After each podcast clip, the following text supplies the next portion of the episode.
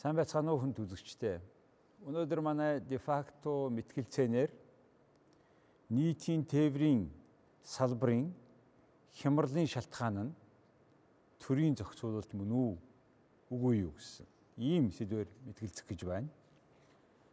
Улаанбаатар хотод Монгол улсын хүн амын хагас нь амьдарч байгаа. Автобусны үйлчилгээ, чанар, хүртээмж муу байгаа. Үр дүнд нь хүмүүс ямар ч хамаагүй үнээр ямар ч хамаагүй машин авч унах сонирхолтой болсон. Түүний үр дүнд Улаанбаатар хот түгж ирсэн, багсарсан. Энэ шалтгааныг яг юунээс болж байгаа юм? Яагаад болохгүй байгаа юм? Энийг ярихаар, энэ мэтгэлцүүлэхээр хоёр зочин өрсөн байгаа. За миний баруун гар талд энэ бол одоо шалтгаан төрийн зохицуулалт даа гэж хэлж байгаа нотолж байгаа хүн бол аюушийн ган хуйг Тэнүүн огоо. Юу хязгаарлагдмал хариуцлагатай компани ерөнхий захирал? 95 онд Оросын Владивостокотын техникийн сургуулийн бакалавр. 99 онд шүтисийн механик инженерийн сургуулийн магистр. 14 онд зам тээврийн яам. Монгол автотээвэрчдийн нэгдсэн холбоо. Монголын автотээвэрчдийн нэгдсэн холбоо. Зам тээврийн ажиллагчдын мэрэгжлийн боловсролын институтээс Монгол улсын зөвлөх инженерийн зэрэг авсан. Ажлын туршлага гэвэл 2000 оноос Капитал Автосервис гүйцэтгэх захирал 4-өөс 6 онд хүчит капитал компани гүйцэтгэх захирал 6 оноос Тинүүн Ого компани ерөнхий захирлаар ажиллаж байгаа ийм эрхэн байна. Миний зүүн гар талын хүн бол Хүрлбаатрийн булгаа нийслэлийн тээврийн газрын орлогч дарга 7 онд шүтисийн механик инженерийн сургуульд бакалавр, 8 онд шүтисийн механик инженерийн сургуульд магистр, 15 онд шүтисийн механик инженерийн сургуульд Улаанбаатар хотын зорчигч тээврийн системийн судалгаа сэдвээр докторийн зэрэг хамгаалсан PhD, 16 онд зам тээврийн яам шүтисээс Монгол улсын зөвлөх инженерийн зэрэг авсан хүн.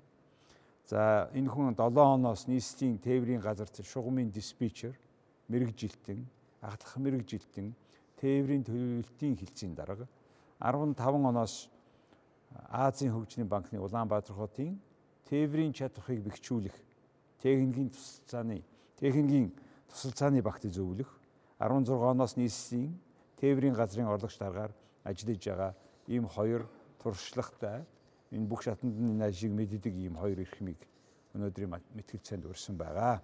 За ингээ мэтгэлцээний эхлэе. Манай журмын дагуу бид тодорхой журам байгаа. Эхлээд яагаад яг энэ хямралын шатгаан төрийн зохицуулалт мөн гэж хүн маань ихтэй 5 минут ярина. Дараа нь та 5 минут яриад дараа нь юуныхаа ярьсныг аа сүргэж эсвэл бол дэмжиж сүрсэг үсэж ярина. Дараа нь үзэгчдээс тодруулж яагаад асуулт асуунаа. За ингээ та эхлэх үү. За энэ орой телевиз үзэж байгаа үзэгчтэй бүгдөөнд нь орой мэндийг хүргэе. За ингээд өнөөдрийн дебакто нэвтрүүлгийг хийж байгаа мөн энэ хамт олон одоо үнэхээр их баярлалаа.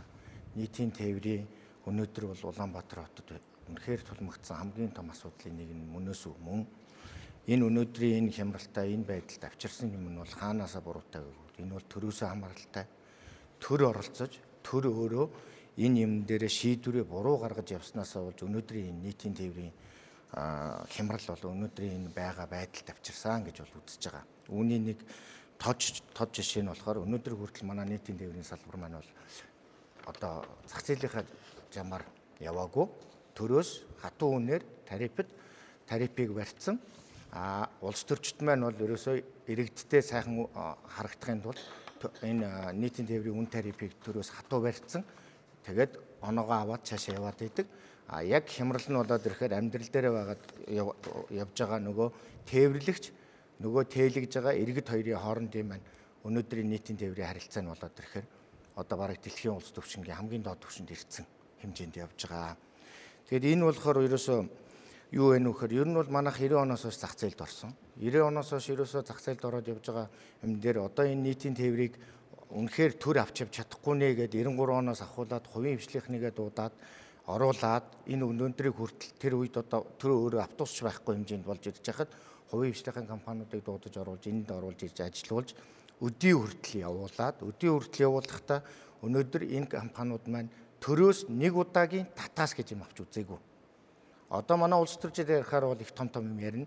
Одоо баг улс төр юунд бол нийтийн тээвэрт бараг 100 тэрбум 200 тэрбум төгрөг өгөөд байна. Ингээд байхад нийтийн тээвэр нь сайжирдггүй л гэж юм ярьдаг. Би одоо өнөөдөр энэ бүгдийг няцаах зорилготойгоор ийм улс төрийн үйл ажиллагаа энд оролцоод байх тусам нийтийн тээвэр маань өнөөдрийн байдлаараа иргэдмэн энэний горыг амсаад байна. Энэ амсаад байна гэдэг нь болохоор өнөөдөр нийт импортоор орж ирж байгаа автобус машин маань 450-аас 500 машин болчихжээ өдөрт. Тэгэхэд бид нэр 450-аас 500 зорчигч алдаад байна гэсэн үг байхгүй өдөрт энэ машин нэмэгдснээр а энэ машин өөрөө нэмэгдээд ороод ирснээр өнөөдөр Улаанбаатар хотын төгжрөл бүгжрэл болох гол шалтгаан ч болоод байгаа шүү дээ. Тэгэхээр энэ үнийгээ төр анхаарч энэ машины орж ирж байгаа энэ өдөр тутмын алдж байгаа энэ иргэдийнхаа энэ одоо өөрснийх нь хамгийн үнд хамгийн хямд төслөөр хамгийн эко орчноор явах хэвээр ийм нийтийн тээврийг унаага бид нар бүгдээр хайцсан. Харамсалтай улс төрчд маань өөрснөө автобусаар явдггүй унаагаар явдггүй ийм байдалтай байж байгаа учраас эндээ нэг анхаардгүй тэгээд нэг юм ярахаараа микрофон харах юм бол ерөөсөө тэгэл нийтийн тээвэр хамгийн муу явж байгаа. Одоо энэ хувийн эдэн компаниуд нь хамгийн мууг нь явуулж байгаа гэдэг байдлаар л явуулж байгаа. Ийм шалтгаантай байж байгаа. За. За та ягаад энэ төрийн зохицуул болж ийн гэж үзэж байгаа вэ?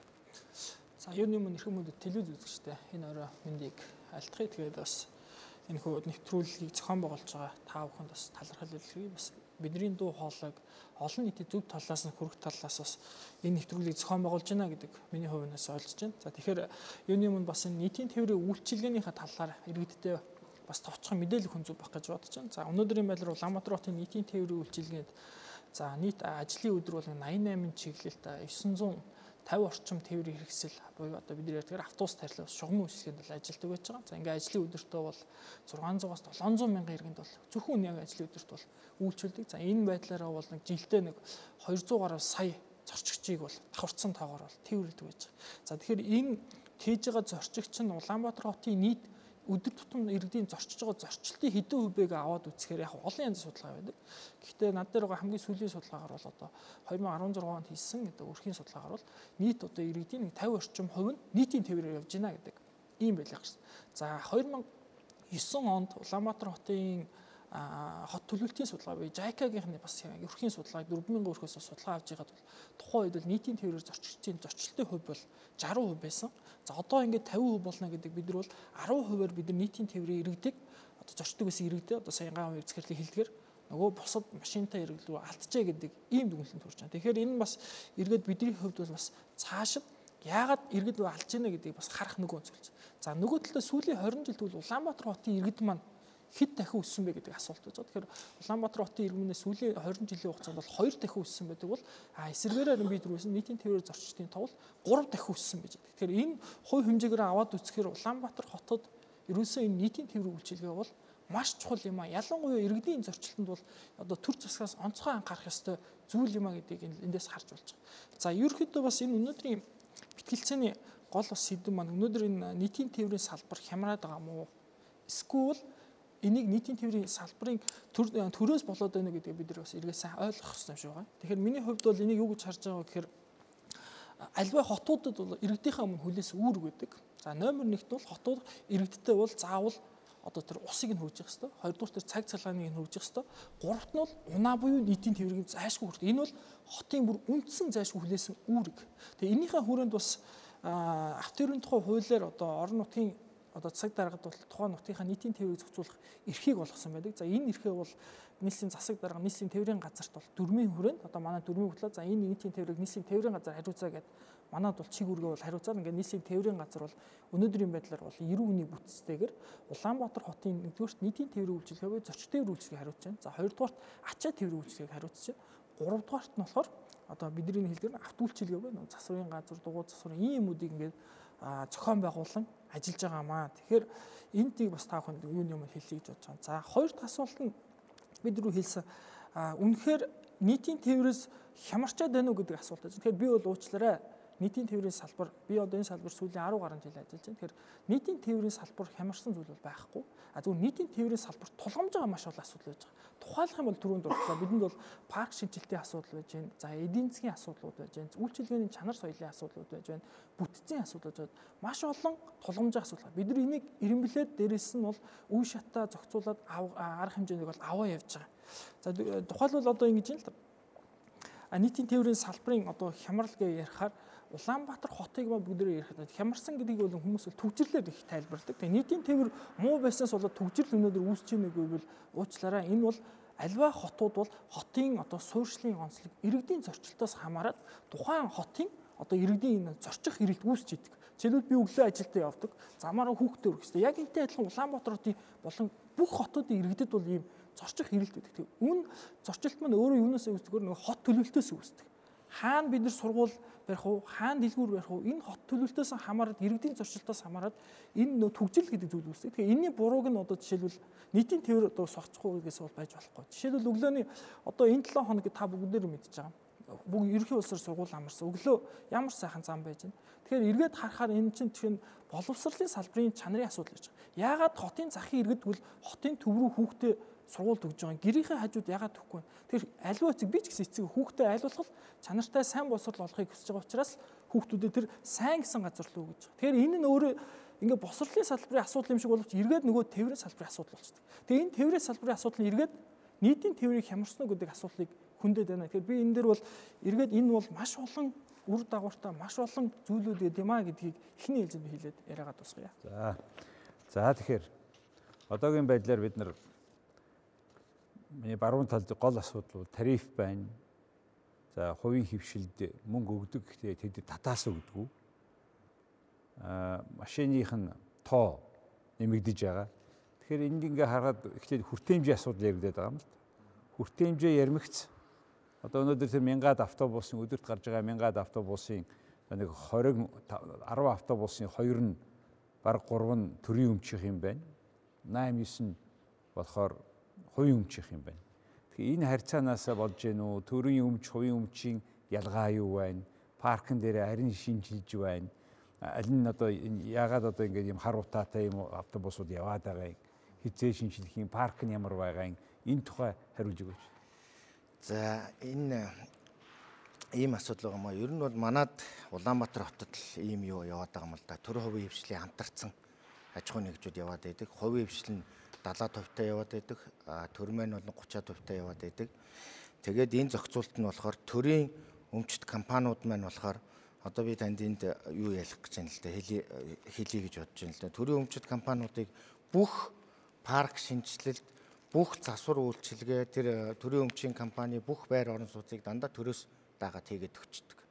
Өнөөдөр 70%-ийг авч яваа хувийн хвшлийнх нь бүгд өөрснөө эрсдлээ дагаад бүгд өөрснөө банкны өмнө зээлээ аваад энэ бүх бүтээн байгуулалтыг хийж байгаа. Нэгд эдийн засгийн хувьд би одоо ялгааных нь юу хэлэх гэж байгаа байхгүй юу. Тэгээ одоо 10 оноос хойш нийтийн тээвэрт төрийн өмчийн компанид нийт энэ дээр парк шинжилтэн дээр болохоор юу ичжээ 24 тэрбум төгрөгийн парк шинжилт хийгээд өгч 10 оноос хойш одоо 100-га давтуус. Хувийн хвшил өнөөдөр энэ 70% нь авч яваа мөртлөө нэг ширхэгч төрийн одоо татаасаар авах ийм төрийн өмчийн мөнгөөр авсан ийм автобус байхгүй. Бүгд өөрснийхөө бололцоогоор нөгөө Солонгос улсад юу нэ үйлдвэрлэл нь зогссон. Додоогоос 6-аас 7 жил ашигласан автобусуудыг бид нэр өөрсний мөнгө төгрөгний тарифаараа оруулж ирж үйлчлэгийг явуулж байгаа.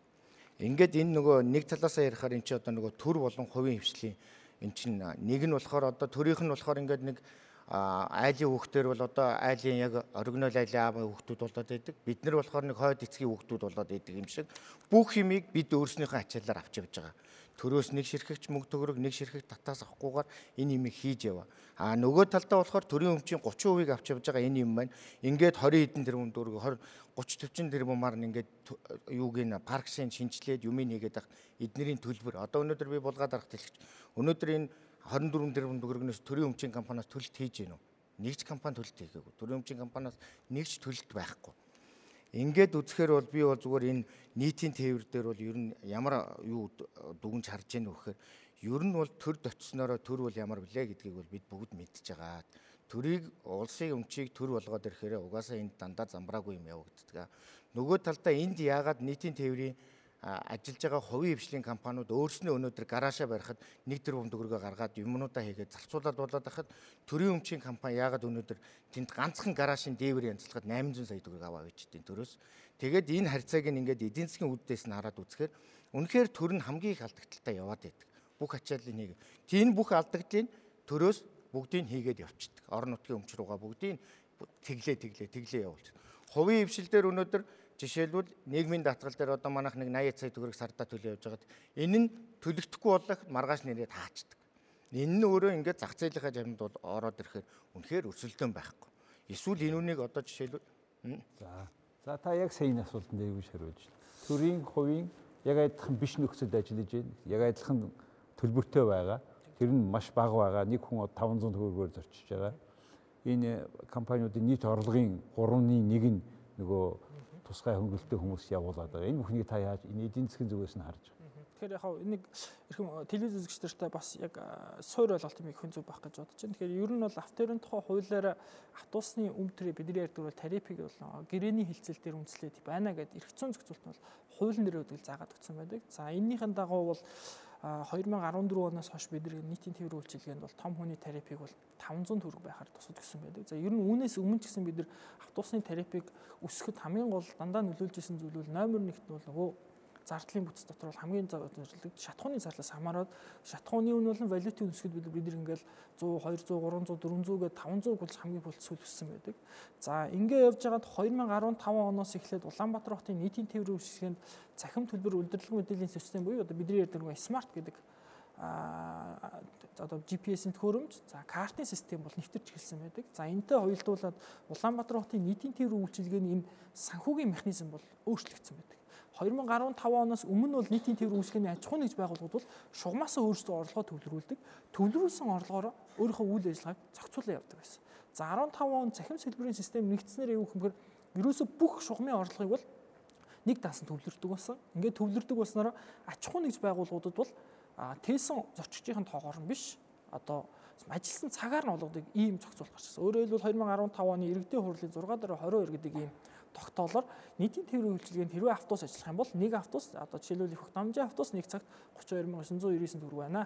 399 төгрөг байна гэдэг заагаад өгсөн. Тэгэхээр оноо өнөөдөр манай жишээл гав эзэхэрэл гэсэн яг өнөөдрийн байдлаар яг ижилхэн энэ тарифаар авч байгаа. Нөгөө сая хэлээд байгаа төрийн компани ч гэсэн яг ижилхэн авч байгаа. Төвийнхэн ч гэсэн ижилхэн. Ямар нэгэн байдлаар төр хувийнх нь тарифын зарчим бол яах вэ? Тэгэхээр энэ зарчим руу орсоор энэ машин цагийн зардал гэдэг нь өөрөө юу вэ гэхээр ерөөсөө энэ аж ахуй нэгж байгууллагуудын гаргаж байгаа нийт зардлыг нь судалж үзээд ерөөсөө энэ компани зардлыг ийм байдал зардал гаргаж байгаа юм байна. Тэр зардлыг нь өгөөл гэдэг энэ бол механизмаар явж байгаа. За тэгэхээр энэ механизм дотор эргээд бас нэг зүйлийг тайлбарлах хэрэгтэй болдог. Таасаа хэллээ 3-1-ийг нь одоо хөнгөлтөө зөвшөөрөхөөр яг ингээд судлаад үзэхээр бол шугамын үйлчилгээнд ингээд одоо 50 56 орчим хувь нь бол яг бэлэн мөнгөө төлөөд зорчиж байгаа юм иргэд байгаад байдаг. За нэг 35-аас 40 орчим хувь нь бол одоо хөнгөлтөө бидний ярьдаг те одоо холбогдох хуулийн доо ахмад настан хөгжлийн бэрхшээлтэй оюутан цагдаагийн аль багш нар бол одоо нөхөө болгоор зорчдог. За эдгээрийн төлбөрийг нь бол холбогдох хуулиудын дагуу нөхөж төрөөс бол тесийн төлөө бол өгдөг. За ингээд шугамын орлого энэ нөхөө болгоо хоёрыг нийлэхэр бол манай одоо салбарын нийт орлого гэж үздэг. За энэ орлого маань нөгөө манай аж ахуйн нэгжүүдийн ажилсан цагтаа харьцуулаад үзэхээр тодорхой хэмжээний зөрүү гардаг. Өөрөөр хэлбэл дутдаг гэсэн үг. Тэгэхээр энэ алдагдлыг буюу одоо бид нар зөрүүг нь болохоор одоо нийслэлийн төсвөөс нийтийн тээврийн үйлчлэгээний аж ахуйн нэгж байгууллагуудад бол бүгдэнд нь олгож байгаа. Төр хувийн гэж ялахгүйгээр бол олгож байгаа юм. За тэгэхээр татаас аваагүй гэж яриад. Татаас аваагүй. Татаас биш. Энэ булгаа дарга татаас олгоогүй шүү дээ. Бол татаас гэж ярьж юм байхгүй. Татаас гэж юм бол байхгүй. Санхин одоо энэ ингэж байгаа байхгүй 2015 оны нийслэлийн эрэгтэй хурлын төлөөлөгчдийн 10 сард гарсан 6 дөрөв 22 энэгээр тогтоолоор нэг автобусыг цагт ажиллахад тийм ээ 32933 төгрөгөөр тогтоож нэг цагт ажиллах тарифын тогтоодсон. Энэ мөнгөний зөрүүг сая одоо тэр булгаа дарга хэлж байгаа тэрэлдээ тэр одоо жишээлбэл нөхөн олгороос энэ хэмжээний одоо манайх чинь 3 санхүүжилттэй болсон байгаа байхгүй. Нэг нь смарт картаас орж ирж байгаа орлого. Одоо нөгөө жавчлалтын орлого гэсэн. Нөгөөх нь болохоор нөхөн олгороос орж байгаа. Үнгүүд зорчих тээвэрлсэн нөгөө өндөр настай оюутан гэсэн эндээс орж ирсэн мөнгө Аа тэгээд нөгөө 3 дахь сая одоо булгаа дарга хэлж байгаа. Энэ мөнгнүүд нийлээд ирэхээр нөгөө 32933 даа хүрэхгүй болоод эхэлж байгаа байхгүй. Одоо нэг 20 мянга ч байд юм 21 мянга ч юм уу болно доо. Ингүүд энэний зөрөөгийн нөгөө юуг нь алдагдал мөнгөний төрөөс өгж байгаа байхгүй. Ингээд 32933 төгрөгөөр та нар цагт ажиллах нэ гэдэг мөнгийг тогтоосон. Тийм булгаад байгаа. Тэгэхээр тэр мөнгө нь тэр автобусаас э, парка сольж барихад хүрэхгүй байна гэж хэлж байгаа. Тэр мөнгө бол ерөөсө парк ашиглалт ям тэр чинь бүр 2015 онд э, юу бензиний үн 1790 төгрөг байхад тооцоолж гаргасан юм. Тийм ээ? Тэр тогтоолоор. А сая булгаа дарга хэлж байгаа л дээ. Төрийн өмчийн хувийн хвшлийн хоёрт яг адилхан өгж байгаа. Үгүй. Төрийн өмчийнх өнөөдөр 32933-аар аваа явж байгаа. А хувийн хвшлих бид нар болохоор 30672-оор аваа явж байгаа. Ягаад гэж юм бэ?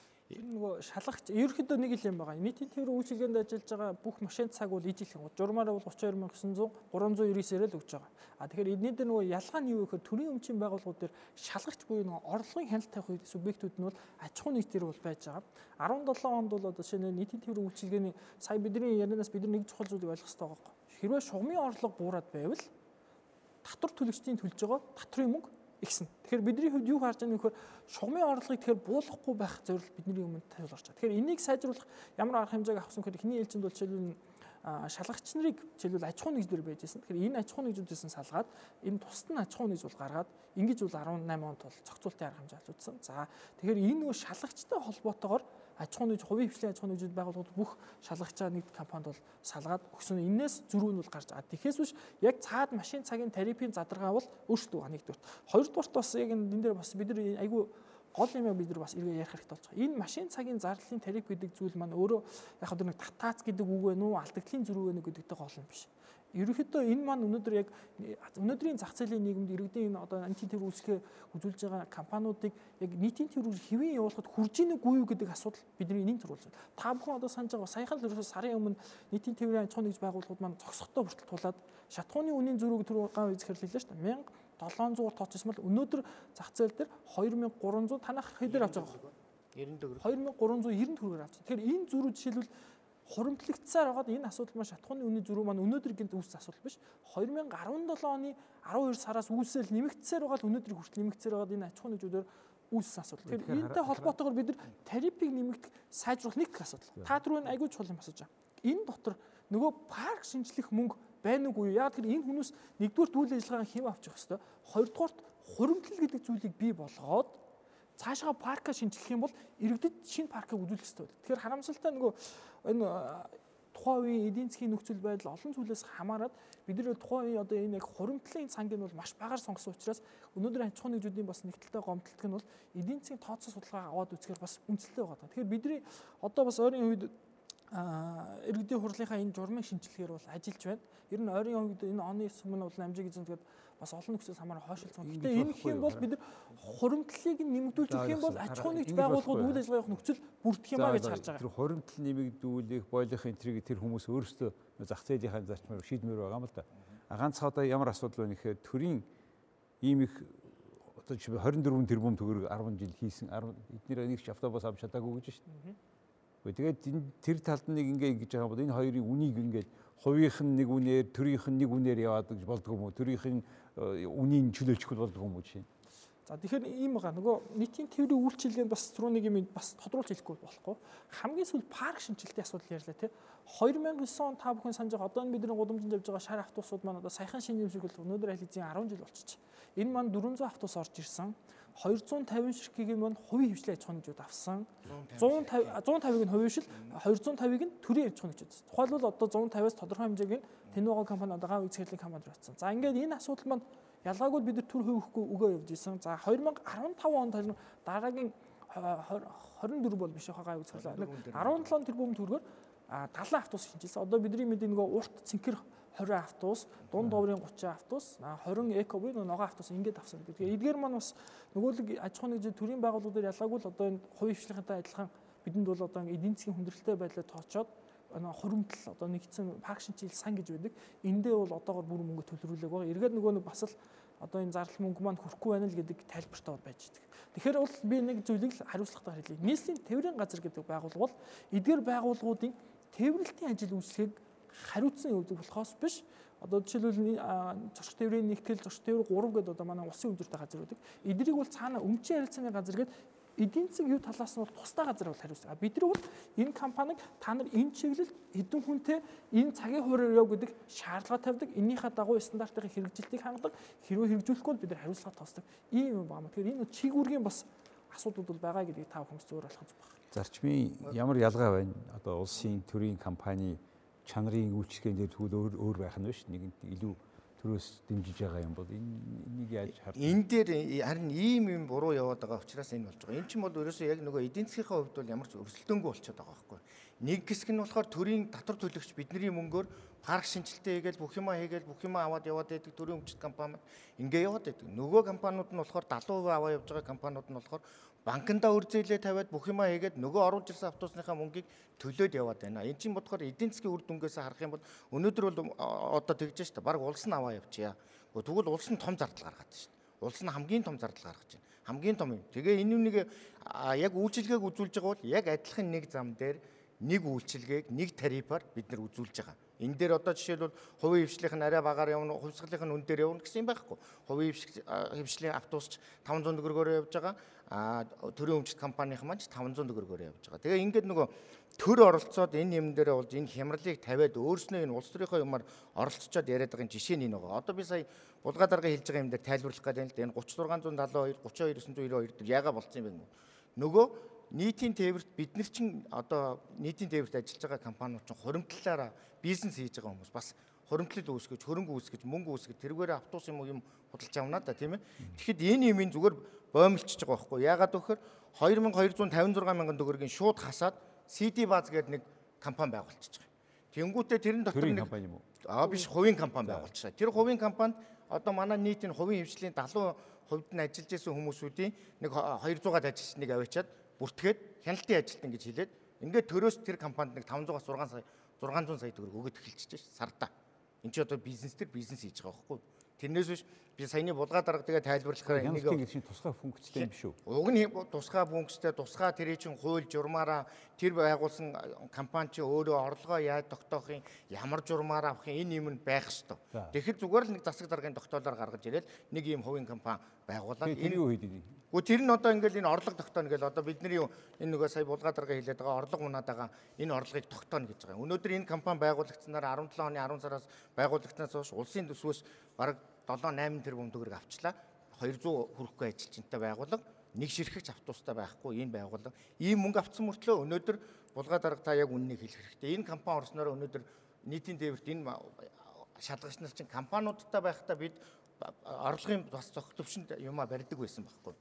Тэгэхэд өнөөдөр тэрнээс доошо төвшөнд орцсон. Тэгсэн мөртлөө энэ компанийг давхар тижээгээ явж шít. Одоо инхээр чи нөгөө нэг миний хэлээд байгаа чи энэ нийтийн тээврийг чи хөгжих боломж гомлыг чи ингэж хаагаад байна. Өнөөдөр сая 105 тэрбум төгрөгөөр жишээлбэл 19 оны төсөв батлагдлаа л да манай энэ төсөв маань. Хуучин бол 18 онд бол 88 тэрбумаар батлагчсан. Сая иргэдийн урлын 45 гишүүн хотоос сонгогдсон 45 гишүүн маань 45 удаа сууж байгаа. Энэ нийтийн тээвэр одоо ингээд 17 тэрбумаар өслөө. Ингээд мөнгөний төлөөд яваад ингээд тахад нийтийн тээврийн үйлчлэгээ ягаас хайж ирдэг юм бэ гэж. Тэгэхээр би энэ дээр бол одоо тэр төлөөлөгч нарыг хэлмээр байгаа байхгүй. Та нар мөн өнөөдөр үнэхээр автобусанд суухгүй үнэхээр иргэдээ бодож байгаа бол тэр өөрсний чинь тэр сонгогдсон тойрогт ямар автобус явдгийг яаж явдгийг өглөөнөөс хідээс хэдийн хооронд явж байгаа ямар хэцүү байгаа юм тэрийг бүгдийг сонсчоод өнөөдөр өөрснөө биднийг дуудаад асууж явах хэрэгтэй байхгүй одоо яг цөмдөр нь ажиллаж байгаа биднийг дуудаад за яагаад танаа дээр 105 тэрбум өгч чадах ажил чинь нэмэгдэхгүй байгаа юм чи явахгүй байгаа Тэгэхээр бол би энэ дээр юу хэлэх гээд байна вэ? Одоо би зүгээр энгийн жишээгээр хэлээ л да. 15 онд энэ төсвийг баталсан байхгүй. 15 онд би сая танд хэллээ 1790 төгрөгөөр. Тэр үед доллар 1890 төгрөг байж байсан. Ингээд энэ төсвийг батал. Би одоо энгийн жишээгээр ярих би нэг 0 насны хүүхдэл байлаа л да. Одоо 15 онд би 0 настай. Тэгэл намайг одоо энэ улсын төсвөөс за энэ жилдээ 0 насны хүүхд юм чи ихийнхаа сүгээр тийжичгэл гэж байгаа юм байна л да. За нэг 16 он гарлаа. 17 он гарлаа. 18 би ч одоо 3 нас хүрчихлээ шин. Одоо би 3 нас хүрсэн чинь жил ирэх тусам миний идж байгаа юм чинь нэмэгдэнэ үстэй. Ядаж би одоо сүү ууж исэн хүн чинь 2 нас боллоо би нэг ядаж бор хоолны ганц мах хамдаа хийчмээр. 3 3 нас өглөө. За тэгэд үнийг тарифыг өөрчилөө гэж ярьж байгаа юм биш үү? Тий, ерөөсөө энэ нөгөө нэг энэ нөгөө өөрснөө ийм үнийг хатуу тарифыг бүгдийн зах зээлийн жамд нь оруулахгүй ингэж явуулсны горн л өнөөдөр ингэж нийтийн тээвэр парк шинжилтээ хийж чадахгүй хүмүүсүүдийнхээ яриад байгаа юмнуудаа хийж чадахгүй байна гэдэг. Одоо жишээлбэл сая та нэг 500 сая төгрөгөөр Монголд автобус үйлдвэрлэлээ гэж манай ерөнхий сайд очиод үзэл нэг хоёр автобус авлаа шүү дээ. Хэрвээ 500 сая төгрөгөөр бид нэр энэ автобусыг авах юм бол шүү дээ. Бидний цагийн зардал одоо булгаа дарга бид эдийн саяны яриад байгаа энэ 32999 цагийн зардал чинь зөвхөн элэгдлийн байгуулад 10 жилээр байгуулад хийх юм бол 53357 болж байгаа байхгүй. Тэгэхээр энэ төсвийг өнөөдөр энэ саяны 45 юу төлөөлөгч нар байна баталж чадах юм уу? 60 эдэн дээр хүн бол нэмэгдэх нь байна. Тэгэхээр ингээ бид нар нэг амьдралд нийлсэн юм ярмаар байгаа байхгүй. Өнөөдөр ямар автобус авах нь бол улсын мэдээж мэдэх асуудал. Гэхдээ яг өнөөдөр эдийн засагчин өөрөө байгаа эдийн засагчин сая 400 мянган хүнтэй хотын иргэдийг 944 автобусаар тээлгчээд тэгээ өнөөдрийн байгаа байдлын эдийн засаг дээр юм. Бусад оронд ямар хувь энэ төртэй шиг. Бусад орнод бол өнөөдөр том хотууд. Тэгээд бусад том хотуудад төрийн хувийн компани хоёр яаж хоршдог? Эсвэл аль нэг л байд юм уу? Өнөөдөр бол одоо хамгийн нийтийн тээврийг хамгийн мундаг хөгжүүлсэн хамгийн энгийн жишээ бол өнөөдөр Сеул хот л гэж явдаг л та. Сеул хотын өнөөдөр яг манаа дээр тулмагчжсэн асуудлыг одоо энэ сая ерөнхийлөгч байсан хүмүүс маань шийдэжсэн тухайн үед хотын дарга байсан. Тэр мэн яаж шийдсэн гэхээр хуучин бол одоо яг бид нар 15 оноос өмнө бол бид нар өөрснөө орлогоо олоод шугамаа зохиогоод арай орлоготой шугамлууга бөөнөрөө яваад трийгэ булаацалтад явдаг байсан. Тэнгүүд энэ системийг 2003 онд хотын дарганд дуудаж оруулж ирээд нөгөө 2000 аж ахуй нэгж байд юм байна. Хувийн компаниудаа бүгдийг дуудаж оруулж ирж хагаад одоо манай энэ 15 онд хийсэн төлөвлөлтийг уул нь хийсэн байхгүй юу? Тэр нь юу вэ гэхээр нөгөө сүлжээ төлөвлөлтийг чинь задлаад нөгөө орлогын хойноос явуулдаг чинь болиулаад нөхөр гаавыг хайлтын тэндээс яваад төв рүү орох юм бол тэр автобусанд тэр хүн суунуу суухгүй хамаагүй хот өөрөө тэр маршрут шугамд гаргаж өгөөд ингээд явуулнаа А энээс гарах ямар нэгэн алдагдал буюу зардал бүх юмыг төр хариуцна. Ингэж хийгээд өнөөдөр Солонгос улс Сеул хот явж байгаа автобус нь бүгд хувийн автобусууд, бүгд хувийн компани явж байна. Төр тэнд юугаар оролцож байна вөхөр тэр компаниудын гаргаж байгаа бүх зардал бүх юмыг шилэн дансаар бүх юмыг хянчиж байгаа, бүх юмыг оруулчихж байгаа. Түүн дээр нэмэх нь баланс 5% ч гэдэг юм ингэж байна. Яг ингэж хийж болохгүй юу? За би энэ дээр бас түрүүний ярьжсэн зүйлээс эхнээс би зөв зөв товч товч хариулаад одоо би чи нэцаа гэж хэлсэн нэцаатай юу гэж байна. Нэгдүгээр тэр шалгагчийн асуудлыг нэлээд ярьж байна. Тэгэхээр шалгагч нарын асуудал төр бол би ямар зарчим байдаг вөхөр бүх ингээд чиглэлүүдээр орлогын доод хязгаар гэж зөв баталдаг. Ягаад гэвэл бид өнөөдөр смарт кар шин шилжснээр аль чиглэл аль автобуснаар хэдэн хүн хизээ сууж байгаа бүрэн мэддэг болсон. Ингээд чаддаг болсноор бид нар зорчигтой тоолохоор тэр хэмжээгээр бид нар орлогоо тооцоолох боломж бидэнд бүрдсэн. Харамсалтай нөгөө тийм үнэтэй юм уу? Тийм одоо яг ер нь том дүнгээрээ үрчгэр бол нэг 7 8 тэрбумгуудыг тоо гардаг. Гэхдээ би нэг юм хэлье. Эргээд энэ аж ахуй нэгжид бид нар ямар шаардлага тавьдаг гэхээр та бүхэн энэ орлогын доод хязгаарыг биелүүл өөрөөр бид нар төсөөсөн мөнгөд хүрүүл та нар мөнгөг нь хүрхгүй бол бид нар мөнгийг хасна гэдэг энэ зарчмаар. Яг энэ нэг зарчмыг төрийнх дээр нь тавьдаг. Бас ган технологи хийдэг тэр хувийнх дээр жишээ хэлэхэд 2018 оны бид нар сая 500 моцоо хийгээ үжихэд зөвхөн зорчигч тээврийн нэгтгэл дээр хэд бид нар орлого хүрээгүй гэдэг шалтгаанаар зөвхөн нэгтгэлээс бид нар тэр бүм төрийг хасаад явсан байж байгаа. За нэг асуудал. Хоёр дахь асуудал нь энэ бол хариуцлагууд ил хэлсэн. Хоёр дахь асуудал нь тэр автобусны тарифыг ярьж байгаа. Тэгэхээр бүгд нэг хоёр тариф яриад байгаа шүү. Нэг нь нөгөө автобусын ажиллаж байгаа цагт өгж байгаа тариф нэг өөр А нөгөөх нь бидний нөгөө автобусан суудаг 500 төгрөгийн тариф яриад. Тэгэхээр хоёр дахь тариф буюу бидний автобусан суудаг 500 төгрөгийн тооцоог бид нар бас 2017 оны бол 2018 оны бүх аж ахуйн нэгжүүдийн балансыг татаж аваад санхүүгийн шинжилгээ хийж үзээд нийт зардлын хэдэн хувийн тэр шатхуун зарлаад байгаа хэдэн хувийн тэр хилээд байгаа бусад зарлууд гараад байгаа гэдгийг бүгдийг шинжилж үзээд за үүн дээрээс үндэслээд гарч байгаа зарлалаас үндэслээд ер нь өнөөдрийн автобусны тариф яг ашигтай юу алдагдaltaй юу гэдгийг бол гаргаж ирсэн байж байгаа. Тэгэхээр харамсалтай өнөөдрийн тариф би түрүүн хэлсэн 14 оноос хойш бид нар мөрдсөн тэр үед долларын шийдвэрсэн билээ түнш фэс мөргийн дуцаар бол алдагдaltaй тариф. Өөрөөр хэлбэл энэ алдагдaltaны зөрүүгийн хэдэн төгрөгөн дээр энэ ашигтай. Аа 651 төгрөгөөс байгаа. Би уусаар бүр сануулъя. Ойролцоогоор энэ төгрөгөнд байх юм бол тэглэнэ. За тэгэд нэг тэл. Гэтэл би нэг л ганц хэлсэн. Энэ зөрүүгийн тэгэхээр яаж ийна гэхээр татвар төлөгчдийн мөнгөөр төр аж ахуй нэгжүүд төгж байгаа. Нэг асуудал. За хоёр дахь асуудал ер нь энэ нэг машин цагийн зардлыг энэ төсвөөс өгөхгүй байж болох юм уу гэдэг асуулт гараад ирж. Тэгэх юм бол яг 17 он бол 18 он эхний хагас жил тийсэн зорчигчдын дунджаар судлаад үзэх юм бол ер нь 800-аас 1000 төгрөгийн тасалбар болж иж Ер нь бол одоо яг энэ аж ахуйн нэгжүүдийн өндөр гаргаж байгаа цагийн зардлыг одоо өнөөдрийн зөрчилтөөс үзэн олохоор боломж байгаа. Гэхдээ бид нар эргээд л нөгөө нэг түгжирлээ нэмэх, эргээд л нөгөө иргэдтэй үзүүлэх дарамтаа нэмэх үү?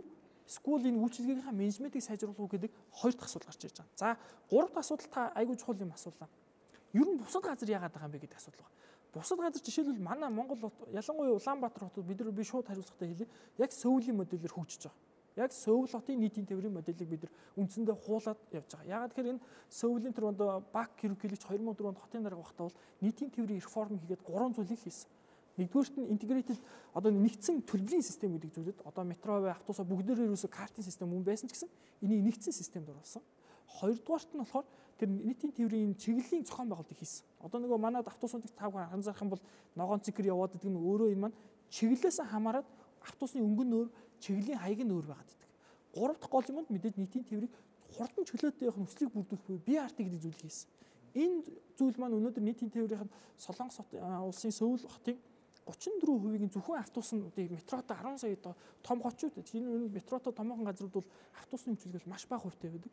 Гэтэл Сөүлийнх бол маш өндөр байдаг. Тэр яг энэ моделийн дагуу бид нар 2015 онд Солонгос хотын T-Money гэдэг яг бэлэн моделийг бид нар картын системийг авчирсан үүнтэй адилхан та бүхэн санаж байгаа бүх нийтийн тээврийн чиглэлүүдийг бид нар дамжин сүүлтийн системд оруулсан. Ингэснээрээ бид нар өмнө нь бол одоо та автобусын суух болгондоо 500 төлдөөсөн бол одоо бид нар картын систем та хэрвээ карта дарах юм бол дараагийн автобусанд 30 минутын дотор үнгүй явдаг. Өөрөөр хэлбэл бид нар олон чиглэлүүд ялангуяа хотын төвийн чиглэлүүд ачааллуудыг бууруулах ийм бол зохицуултыг бол хийсэн шүү. Тэгэхээр цаашдаа бас бид хувийн хувийн компаниуд гэж байна шүү Солонгос та тэрийг хийгээгүй шүү. За энд бол бас бүгд нэг юм яхад нийслэлийн тээврийн газар. За ер нь хотоос бол яг энэ нийтийн тээврийн үйлчилгээнд хувийн бай, төрийн бай ямар ч мөнгөн байдлаар жишээл мөнгөн дээр ч бай, чиглэл дээр ч ямар нэгэн байдлаар энэ төрийнхээ наашаа хар миний төрсийг 24 тэрбум төгрөг улсынхт нь өгсөн биш. Тэр бол парк шинжилтийн наад чинь хамгийн чухал байж. Гэхдээ энэ дээр би харин хариуцлагатай хэлье. Эргээд энэ дээр бол би энэ нийтийн тээврийн газраас яг энэ төвийн ба хувийн ганц бүх газруудтайгаа бол ижилхэн гэрээ байдаг. Одоо жишээлбэл бид гайн үзэхлээс бай. Танаа нийтийн тээвэр манайтай байгуулсан гэрээ төрийн өмчийнхээс өөр байдгүй. Энэ дээр булгаа дарга энэ паркинг бид нар ярих юмыг би би хэлж байгаа юм зүгээр эдийн засгийн хувьас нь яриад шүү дээ. Нэг талд нь мөнгөний нөгөөд өгөөд байдаг, бүх юмыг гаргаад байдаг. Би одоо хэлээд шүү дээ. Жишээлбэл автобус 3 дугаар баазын орон нутагт өмчийн компани гаражийг янзлахад иргэдийн урлагийн тогтоолоор 900 сая төгрөгөөр энэний гаражийнхаа дээврийг засчихаа гэж засуулж шүү дээ. Тийм үү? Энэ мөнгийг төрийн татаас одоо татвар төлөгчний бидний мөнгөөс гарч байгаа шүү дээ. Гаан уяг өнөөдөр өөрийнхөө 140 эдэн автобус гаргаж байгаа гараашаа засъя гэхэд би төрөөс нэг ч мөнгө авахгүйгээр энийг хийж байгаа. Энэ хоёрын ялгааны менежмент нь өөрөө ийм байна л гэдэг юмыг сая жаргал сайхан эдийн засгчдад ярьж байгаа юм тэр байхгүй да. Бүхэн энэ бизнес одоо энэ үйлчилгээг үзүүлэхийн тулд бид нар энийг окей энэ тарифыг зөвшөөрье энэ чиглэлд явъя гэд хүлэн зөвшөөрөөд манай тэгэхээр бид нар бол энийг биш энэ тарифыг таана тэгэхээр энийг та ийм бай зүгээр ял зарчмаа ингэж ярив. Бүгдийг хөвчөж яага болдгоо юм бэ? За тэрийг бол одоо арай дээгүүр шатанд хийх ёстой би бол харж байгаа. Тэгэхээр манай нийсийн тээврийн газрын төвчнөр өмчийн асуудал бол хараа юм байна. Төрийн гэдэг нэрээр давуу тал идлээд тэгээ яг адилхан төрлөө яваад тэгээд хоёр ийм өөр төвшөнд байгаа. Компаниудыг өшөө хооронд нь өрсөлдүүлээд тэгээ үр дүнд нь нэгэн чирэгдээд тэгээ тэрнийх нь горыг зорчигчд нь амсаад ийм байдалд орсон гэдгийг өнөөдөр автобусны хүртэмжтэй холбоотой ийм ойлголт одоо гарч ирлээ. Аль нэг тийшээ болгооч. Бити холиод байгаа чи. Тэгээ улс төрчтэйгөө нэг нэгэ бодвол холбоотой байгаа. Тэгэхээр энийг автобусны үйлчлэгээний хүртээмжийн хувьд бол энэ хувийн улсын гэсэн ийм хямцг нь ажиллахгүй байна гэдгийг л би ойлгочлаа. Зөв. Зөв. Би одоо за одоо дараагийн асуудал. Одоо үйлчлэгийн чанарын тухай ярив.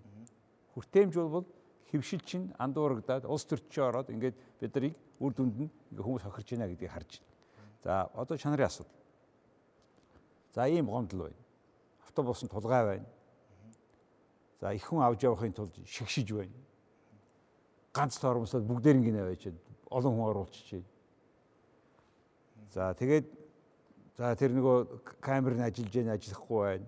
Автобусын жолооч өөрөө бэлэн мөнгө аваад байна. За тэгээ одоо энэ бид нийгмийн э, сүлжээгээр ингээд зөндөө олон асуултууд тавьсан л да. Жишээлбэл одоо энд маш хурд нэг хоёр хэдэн асуулт асуугаад тэгээ би энэ хүмүүстэй боломж олгоодох. За жоох өөрөө явах нь. Нийслэлийн нийтийн тээврийг хөгжүүлэх батлагдсан ерөнхий мастер төлөвлөгөө байна уу? Амрагийн балжин юм гэж хүн Твиттерээр асуусан байна. Ерөнхий төлөвлөгөө байгаа. За төрөөс автоэрийн салбарт баримтлах бодлого засгийн газраас батлагдсан. За энэний дагуу нийслэлийн иргэдийн хурлаас 2015 онд одоо нийтийн тээврийг хөгжүүлэх хөтөлбөр гэж баталсан. За хамгийн гол нь би түрүү нэг хэлмээсэн. Нийтийн тээвэр гэдэг тусдаа мастер төлөвлөгөө хэсэггээр энэ бол ганцаараа явахгүй. Хот төлөвл Улаанбаатар хотын ерөнхий төлөвлөгөөний хүрээнд бол зохицуулагдаад явд юм а. Нөгөө талдаа бол зам тээврийн хөгжлийн яамнаас борж байгаа автоэврийн салбарын бодлого, нөгөө талаа хотын бодлого энэ хоёртой уялдаж манай нийтийн цэврийн салбарын бодлого болж байгаа. Тэгвэл бараг л дампуурсан шүү. Би танаас яг таны наад энэ асуултанд хариулж байна. Төрөөс автоэврийн салбарт барих бодлого гэдэг засгийн газрын 2018 321 дугаар тогтоол сая гарсан. Энэ тогтоол дээр би энийг уншаад энэ нийтийн тээврийн талаар юу бичих нь вэ? Ер нь юу гарах нь гэдэг би ерөөсөө энэ бүх хуудсыг уншаад үзсэн чинь ганцхан зохицуулт хийсэн.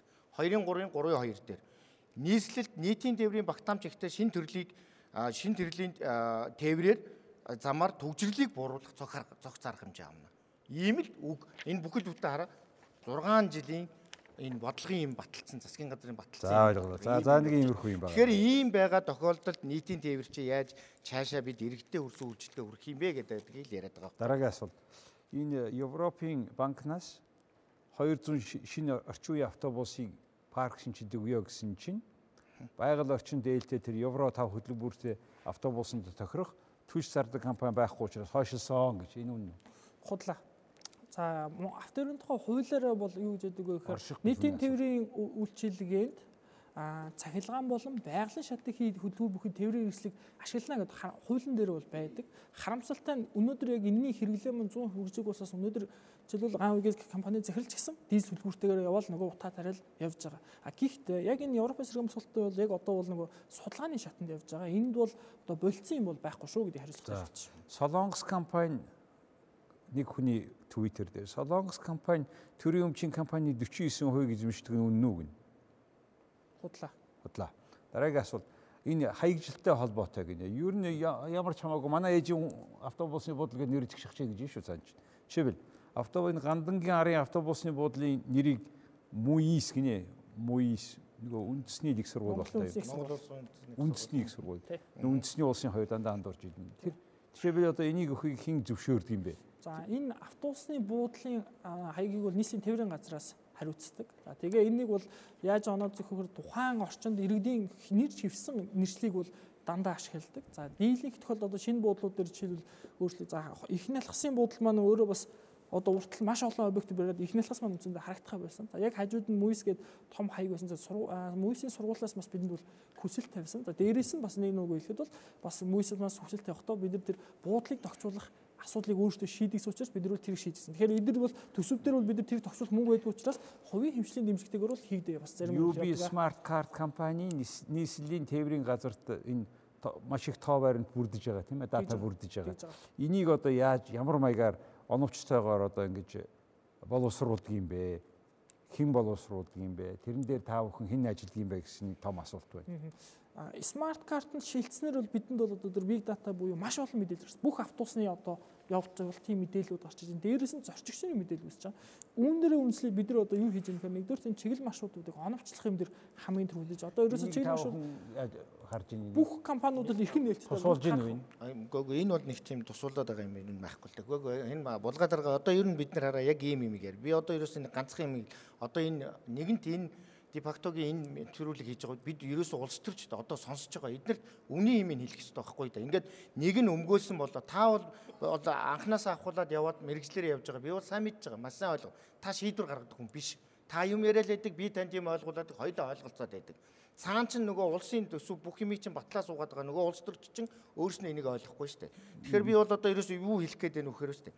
Одоо жишээлбэл ингэж байна. 2016 оны төсөв батлахад Тийм үү? Би 16 оны төсөв баталт 88 тэрбум 83.9 тэрбум төгрөгөөр баталчихжээ.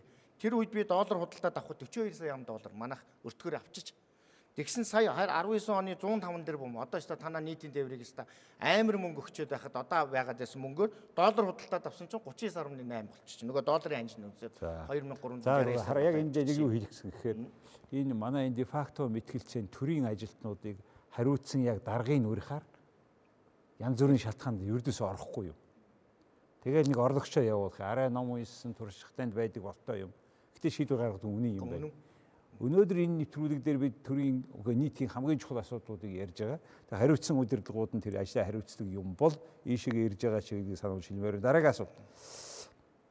энэ ингэж байгаа хөгжлийн бэрхшээлтэй иргэдэд зориулсан нам гიშгүүртэй автобус яагаад байдгүй юм бэ гэж хүмүүс уйлж асууж байна. Аа нийтийн тээврийн үйлчилгээнд бол байгаа юм. Байхгүй ш байгаа. Харамсалтай нь маш цөөхөн. Жишээлбэл одоо Тиногоо компанид бол нэг үл хоёр бас байж байгаа ш. Ялгадгийг? Аа нам шалтгаан нь болохоор одоо нөгөө шатгүй байгаад байдаг байхгүй. Тэгэхээр бид нар одоо бүр арга бариад нийтийн тээврийн үйлчилгээний нөгөө аппликейшн байдаг. Автобус хаана явж байгаа гэд энэ дээрээ тухайн автобусуудаа бас тэмдэглэжий гэхээр нөгөө автобусууд маань нөгөө солигдоод байдаг болохоор бас ингэ яа. Тэгэхээр яг иргэдэд яг тэрийг хүлээж байгаа зөв аппликейшн ингээд олоод ирэхэд жоохон хүндрэл үүсэж хаана автобус явааг ингэ хийсэн ийм гар утсан дээр мэдэж болдог аппликейшн өнөөдөр үүдсэн би.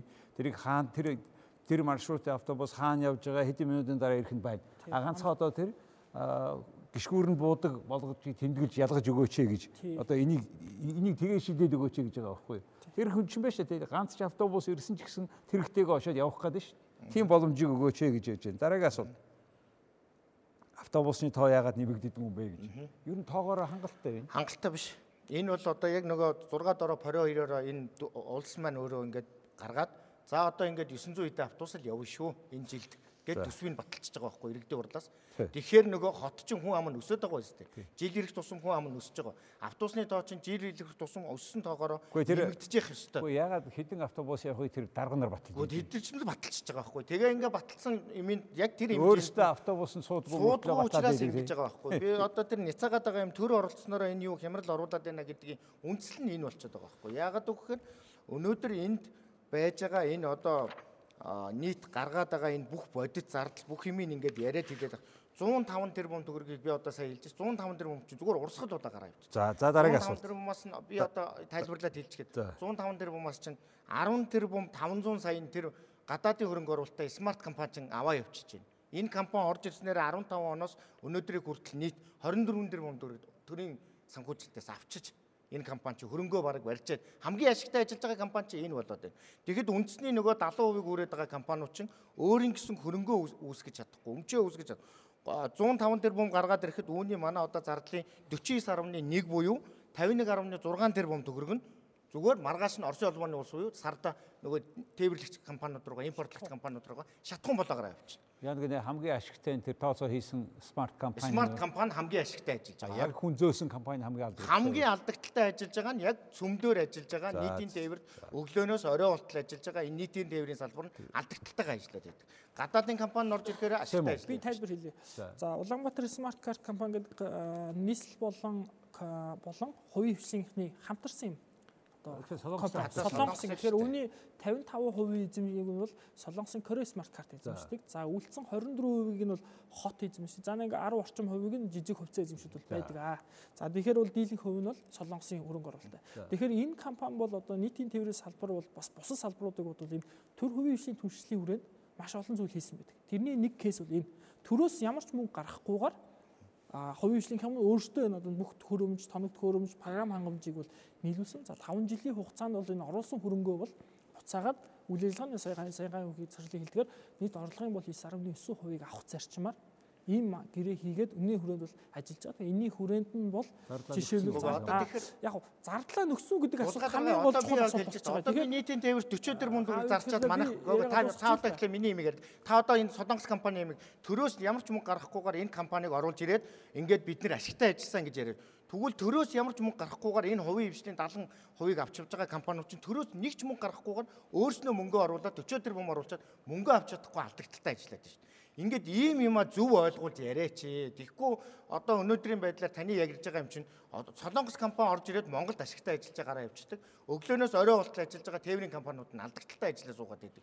Ийм процесс. За ойлголоо. Хараа одоо ингэ цаг байгаа учраас бид нар зээс 10 минут байгаа учраас энд зорж ирсэн үзэгчдийн асуулт асуух боломж өгье. Эхлээд энэ талаас нэг хүн, дараа нь энэ талаас. За хинт асуулт байна.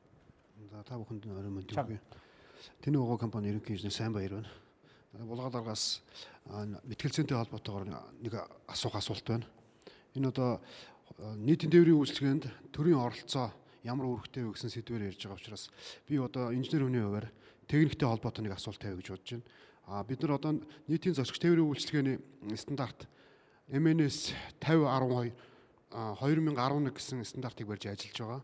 А энэний 7-гийн 4 дээр одоо нэг заалт байдаг. Энэ маань юу гэхээр бидний парк шинжилттэй холбоотойгоор нийтийн тээврийн үйлчлэгэнд явж байгаа том тээврийн автобуснууд маань 12-оос дээш жилийн насжилттай байвал одоо үйлчлэгэнд явуулахыг хориглосон байгаа. Энэ ямар шалтгаантай байна вэ? Өнөөдөр манад явж байгаа таны төрөний ярьдгаар 150 автобус нийтдээ 400 автобус нийтийн тээвэрт одоо ингээд оруулаад ажиллаж байгаа. Тэдгээр мань одоо 10 жил явчлаа. Та бол утаа ярьж байна. А үйлчлэгээ ярьж байна. А энэ автобус мань одоо чанарын шаардлага ханхаа нэгэнд болсон.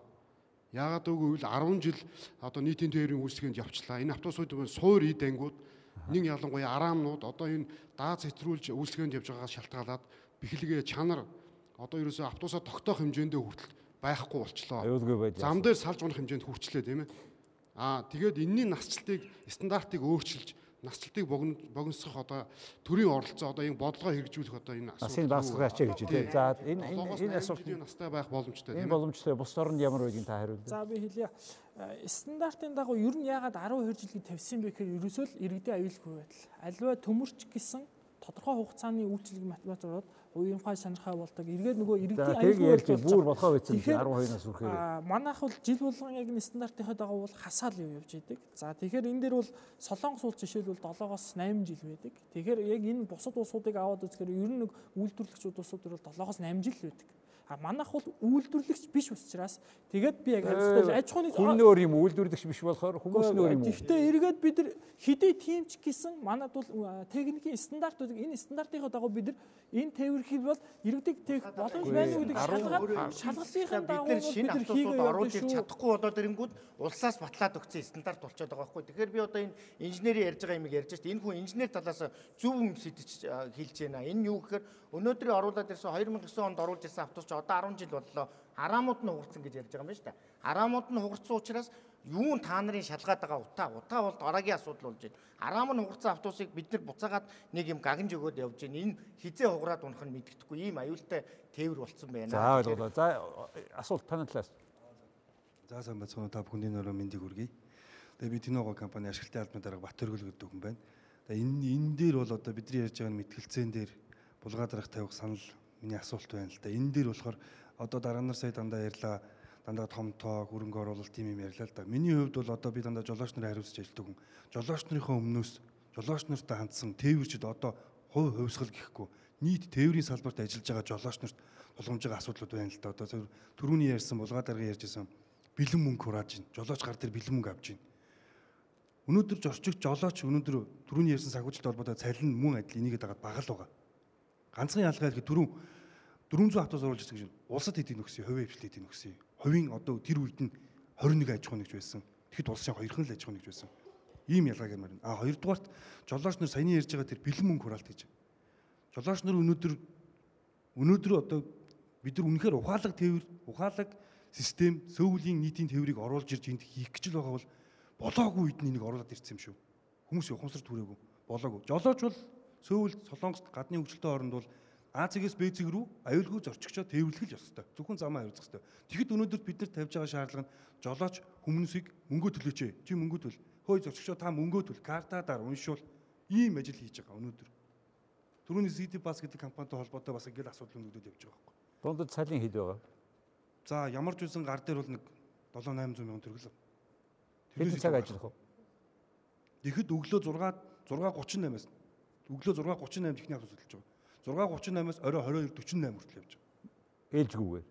Ээлжтэй, ээлжтэй нээлжтэй ээлжтэй бол ингэж ажиллаж байгаа. Ийм тээвэрчид жолооч нар тэгээ одоо сүүлдээ жолооч нар дээр юу гэдэг хариуцлага хэрвээ жолооч жорчиг жолооч бариад жолоогоо бариад яваад байна.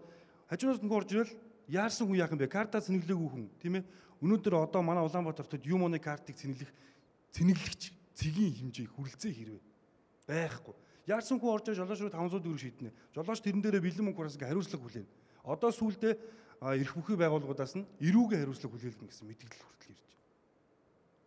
За энийг яаж хийх юм? Яаж хийсэн дээр үү? Энэ үнийг бол би одоо зүгээр би би хэлчих. Одоо энэ юм дээр би юу гэж хэлж яах вэ гэхээр бид нэр болоогүй байгаа юм руугаа төрүүлээд орчиж. Одоо нэгэнт энийг бол бид нар ухрах харахгүй. Одоо энэ энэ ухаалаг тээврээсээ бид нар ухрахгүй. Тэгэхээр энийг өөрөөсөө ганцхан шийдэх арга маань юу нүү гэхээр ерөөсөө бүгдөө одоо энэ нийтийн тээвэрт оруулж байгаа энэ нийтийн тээврийн өөрснийх нь хувийн болон хувьсгалын энэ бүх юмнуудыг бүгдөөрингийн ер нь нэг нэг талдаа гаргаач ээ. Зэгцлээч ээ ер нь эсвэл хувигаа аваад явуул эсвэл хувигаа бид нарыг өрсөн бол өрсөн шигэ одоо та нар минь хэрэггүй. Төр нь ингээд ашигтайгаар ажиллаа явъя. Төр нь өөрөө бүх юм аваа явъя гэдээ ажиллаа явчих. Яа эсвэл та нар хэрвээ Сеул хотын тэр бүх юмыг дагуулж оруулж тэр модиумыг хуулж байгаа юм бол тэнд чинь дандаа хувийн компаниуд орж ирж байгаа. Тэгвэл тэр хувийн компанийн эрхийн ажилд их ижилхэн эрхтэй болгож өгөөч гэдэг шаардлага. За та яаш хариу. Би Батар үлийн асуултанд бас арай зөв хэлье. Ер нь бол яа харахгүй нийтийн тээврийн үйлчилгээ бид өндөр ярьж байгаа бол нийтийн тээврийн үйлчилгээг иргэдэд ерөөсөй гартам хүргэж байгаа хүн бол жолооч. Тэгэхээр энэ хүмүүсийг бид нар одоо улам сайжруулах энэ хүмүүсийн үйлчилгээг сайжруулах чадрыг сайжруулах энэ шаардлага бидний мөл заашгүй байгаа. За тэгэхээр түрүүний би хэлжсэн нөгөө нэг цаг тоглогддог тарифынхаараа тооцоод үзгээр 900 сая орчим төгрөг хөдөлмөрийн 8 цаг ажиллаад авнаа гэдэг тооцсон байдаг. Энийхээ дагуу бол өгдөг. А тэгээ би түрүүн сөүлийн модель дээр ялгаагүй солонгос ч гэсэн манайтай л адилхан юм байхад бол солонгосчууд энийг яаж хийсэн бэхээр цалингийн бол одоо хоёр дахин нэмээд Тэгээд цалингаа нэмсэн чинь тэр хүмүүсээс хариуцлага нэгсэн байдаг. Харамсалтай манай дөр болохоор яг нөгөө эдийн засгийн нөхцөл боломжтой харамцаа тэгж чадаагүй болохоор эргээд нөгөө жолооч нар дээр бол бас хүндрэл байдаг. Нөгөө талаа нөхцөл бололцоог таны тэнгэр дээр байгаа юм яриад байгаа юм. А тэгэхээр нөгөө яг л сайн миний хэлдэг хамаагүй жолоочийн цалиагийн нэмэх юм бол нэмэх асуудлууд гараад ирэх болж байгаа. Тэгэхээр энэ нэмийг бид нар бас зөв болгоо. Гэхдээ яхахгүй эргээд нэг талдаа нөгөө иргэддэг хүрэж байгаа жолооч маань өөрөөсөө яг нийтийн тээвэр үүсгэний үндсэндээ нүүр царай бол жолооч нар л байгаа шүү дээ. Энэ хүмүүс ямар байна? Нийтийн тээвэр үүсгэх яг л тэгдэм шүү. Энэ хүн замын хөдөлгөөнд ямар бол чинь тэгжил нийтийн тээврийг харж байгаа. Иргэдтэй хайжаарсан яг л тийм ба. Тэгэхээр бид нар бол ойрын үед ерөөсөө бидний гос болж байгаа бодлого бол энэ жолооч гэдэг хүмүүсийг одоо улам сургаж хүмүүжүүлэх, эдгээр тавих, анхаарал хандламжийг тавих, эдрийг улам чадваржуулах чиглэлээр явах ёстой байна гэж бол харж байгаа. А нөгөө талдаа бол хариуцлагаас ирж байна. Өөр нэг асуулт. Автобусанд хүмүүс юм алдаад байна гэж. Энэ талаар яах? Юу хийх ёстой? Утсаа алдаж байна, төрөвчөө алдаж байна. Автобусанд бол уул нь бол камер байгаа. Одоо бас ч гэж 15 онд энэ ухаалаг тээврийн хэрэгсэлд орсон гэснээр нэг камерын систем орсон. Камер маань өөрөө уул нь бол ямар нөхцөл ажиллахыг та бүгд мань мэдж байгаа. Жохон хөнгүү автобусанд хүн багтаа энэ үед сайхан ажиллаа явах хэрэгтэй шүү дээ, тийм ээ. Тэгэхэд одоо манай өнөөгийн нөхцөл би танд хэллээ. 902 хан автобус, 944 хан автобус хуваарлчаад энэ автобус одоо иргэдийнхэн тоон нэмэгдээд байдаг. Нөгөө пикийн цагаар нөгөө автобусанд нь битүү хүн байгаад байдаг. Нөгөө камер нь харж чадахгүй ажиллаж чаддаг. За, энийг яаж яг яа харахгүй иргэдийг нөгөө нийтийн төвөөс бас цааш нь түлхээд байгаа нэг зүйл бол энэ аюулгүй байдлын асуудал, хулгай асуудал. Тэгэхээр энэ дээр манай нийслэлийн төвийн газар юу гэхээр цаг Хавлаанбаатарын нийслэлийн цагдаагийн газрын халаасны холбоо тэмцэх хэвтартайгаа бол хамтарч ажиллаж байна. Автобусуудад санамжуудыг тавьж байна. Ер нь бол хамгийн чухал арга юу бол ерөөсөө тэр камерын ажиллагааг улам л бид нар сайжруулах. Нөгөө талдаа бас автобусны буудал автобусын дотор хулгай гараад байна уу? Автобусны буудал дээр гарч нэгэд аваад үзэхэд дийлийнх нь автобусны буудал дээр гараад. Тэгэхээр бид нар автобусны буудал дээр энэ хяналтыг сайжруулах чиглэлээр бас цагдаатай бол. А ер нь бол төвийн автобусны буудлууд бол байгаа. Жишээлбэл нэг тавны хүчнүүд байгаа. Хулгай хийгээд байгаа газрууд нь болохоор зургийг зарлах хөл яасан. Одоо ер нь бол нөгөө цагдаагийн байгууллага маань энэ чиглэлээр бол ажиллаад байгаа. Гэхдээ бас тодорхой байг нэг нүдэнд харагдах үр дүн гарах байл гэж бид нар бол харж байгаа. За энийг юу хийж чадах байгаа юм бэ? Та хэн асуулт байна уу? За. Ер нь бол яг хуу нийслэлд ажиллаж амьдарч байгаа нийт одоо зорчигчд одоо бид нар бол яг ямар халуун нөхцөл байдал дээрээс яаж одоо энэ үйлчлэгийг авч байгаа вэ те?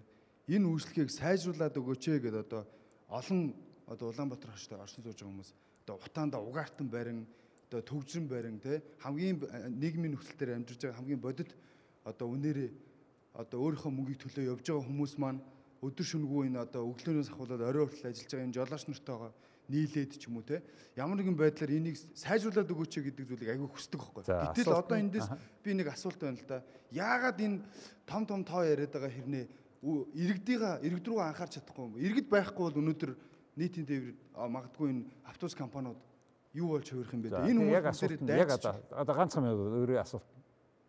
Яг асуулт нь юу гэсэн асуулт? А яагаад энэ зорчигч нар руугаа анхаарсан юм а төлхөө хандуулж өгдөг юм бэ? Энэ зорчигч нар байхгүй юу хэлгий гэж? Жишээлбэл одоо энэ үйлчлэгээ сайжруулах одоо бид нар тухтай орчинд явмаар нь хулгай юмаа хулгай дотор автобусны дотор алдаж байна. Энэ үйлчлэгийг сайжруулах ямар боломж байна? Сайжруулж өгөөч. За нэг нэг гэлцэл хариулт. За энэ дээр би одоо дуусчихна. Би одоо энэ дээр ерөнхий юм хэлж л да. Одоо үнэхээр иргэдийн хүсэж байгаа юм энэ сая би түрүүнд тайлбарлаж хэлсэн юм а дахин давтж хэлэх гэдэг. 500 саяар төр автобус аваад өгч болно. 100 одоо тэр нөгөө сайхан эко автобусыг аваад өгч болно. Юу гэж аваад өг. Ганцхан энэ юм болгон эдийн засгийн дээр явдаг учраас эдийн засгийн энэ бололцоо одоо өнөөдрийн баталж байгаа энэ мөнгө төгрөг боломж байхгүй байгаа учраас бид энэ автобусыг тухтай одоо тэр таны үсээд байгаа шинэ автобус юм уу ямар нэг юм чинь авах бололцоо байхгүй байна. За ойлголоо та. За бид очихоор ер нь бол иргэдийг одоо хамгийн гол ерөөсөл иргэдэд шүү дээ. Нийтэд бид нар үйлчилгээ сайжруулах гэж маш олон зүйл хийж байгаа. Иргэдээс санал гомдлыг аваад тэрийг сайжруулах юм хийж гин. За автобусны чиглэл маршрутыг нэмж гин. Өглөө өрөөний автобусны цаг үргэлжлүүлэх юм хийж гин. За цэвэрлэгээ үүсгэгээд маш олон зүйл бол байгаа. Тэгэхээр энийг бас иргэд маань бас энэ талаар мэдээлүүдээ бас чиг чиг дээр бас аваа явах нь зүйл хаалж байна. За за тэг загэл одоо үндсэндээ хугацаа дуусчлаа л да. Шууд асууж. Шууд асууж. Энэ нөгөө хоёр юуны төрөөс автоврын салбарт хэрэгжүүлэх баримтлах бодлого гэж батлаад байгаа батлсан байгаа шүү дээ. Тэгэхээр энэ бодлогот манай нийтийн тээврийн салбарыг яагаад энэ бодлогот манай нийтийн тээврийн салбарын талаар ийм асуудлууд ороогүй байна вэ? Энэ дээр нийтийн тээврийн газар одоо удирдан чиглүүлж удирдах байгаа газар маань яг яаж хандсан юм бэ? Ямар туршилт орсон юм бэ гэдгийг сонсомоор байна. Төрөөс баримтж байгаа бодлогод түрүүн гаан үзэхэл маш ташаа хариулж байна. Би бол тэгж ойлгож байна. Ягаад тэгэхээр энийг боловсруулах зам тээврийн хөгжлийн яам дээрээс маш олон хилцүүлэг саналууд явсан. Маш олон төрлийн бус олон юу явсан. Энэ болон тээврийн газараас оролцоод бол явсан. За энэ бүтцээр нь аваад үзэх юм бол яг манаатай холбоотой ажлууд бол чиглэл чиглэл жишээлбэл аюулгүй тээвэр гэдэг дээр дотор бид нар нийтийн тээвэр байж. Эдийн засаг гэдээ байж. Энэ энэ чиглэлүүд байгаа шүү гэдэг юм. За хүн үзэгчтэй манай цаг одоо дуусч байгаа учраас өнөөдөр та бүхэн Улаанбаатар хотын нийтийн тээврийн асуудлын талаар нэлээд сонслоо. Яг өнөөдрийн ярьсан шиг энэ асуудал бол тийм их байгаа. Асуудал шийдэгдэхгүй байна. Иргэд даарч байна. Аюулгүй үйлчлэг авч чадахгүй байна. Хичнээх асуудал шийдэх ёстой. Гэхдээ яг эдийн засгийн суураас үзэх юм бол ер нь бол эсвэл хувийнх эсвэл төрийнх болгоод олооч гэдэг ийм дүгнэлтэнд хүрж байна. Тэгээ энэ хариуцсан хүмүүс нь бас ингээд тооцоотой бодлоготой өөрсдөө автобусандаа сууж ягаад тэгээд э, үзэж ягаад энэ шийдвэр гаргаач гэсэн ийм ерөнхий дүгнэлтийг хийгээд болох байх гэж бодож байна. Мэдээж энэ бол энэ асуудлаар хамгийн сүүлчийн мэтгэлцэн биш шаардлагатай бол би дахиж хийн. А ер нь энэ энэ орон даяар явж байгаа нэвтрүүлэгт төр засгийн энэ ажлаа хариуцсан дарганаар нь орж байгаа чи бити зүхтаад байгаа чи Монголын ард түмнийг хүндлээ чи тэр намын хурдан борлолдоо дараа очиоч гэж хэлмээр байна. За ингээ өнөөдөр манай дефакто мэтгэлцэнээр нийслэлийн тээврийн тухай ингээд ярьлаа. Их баярлалаа. Дараа уулзлаа баяртай. Шинэ оны мэнд хүргье.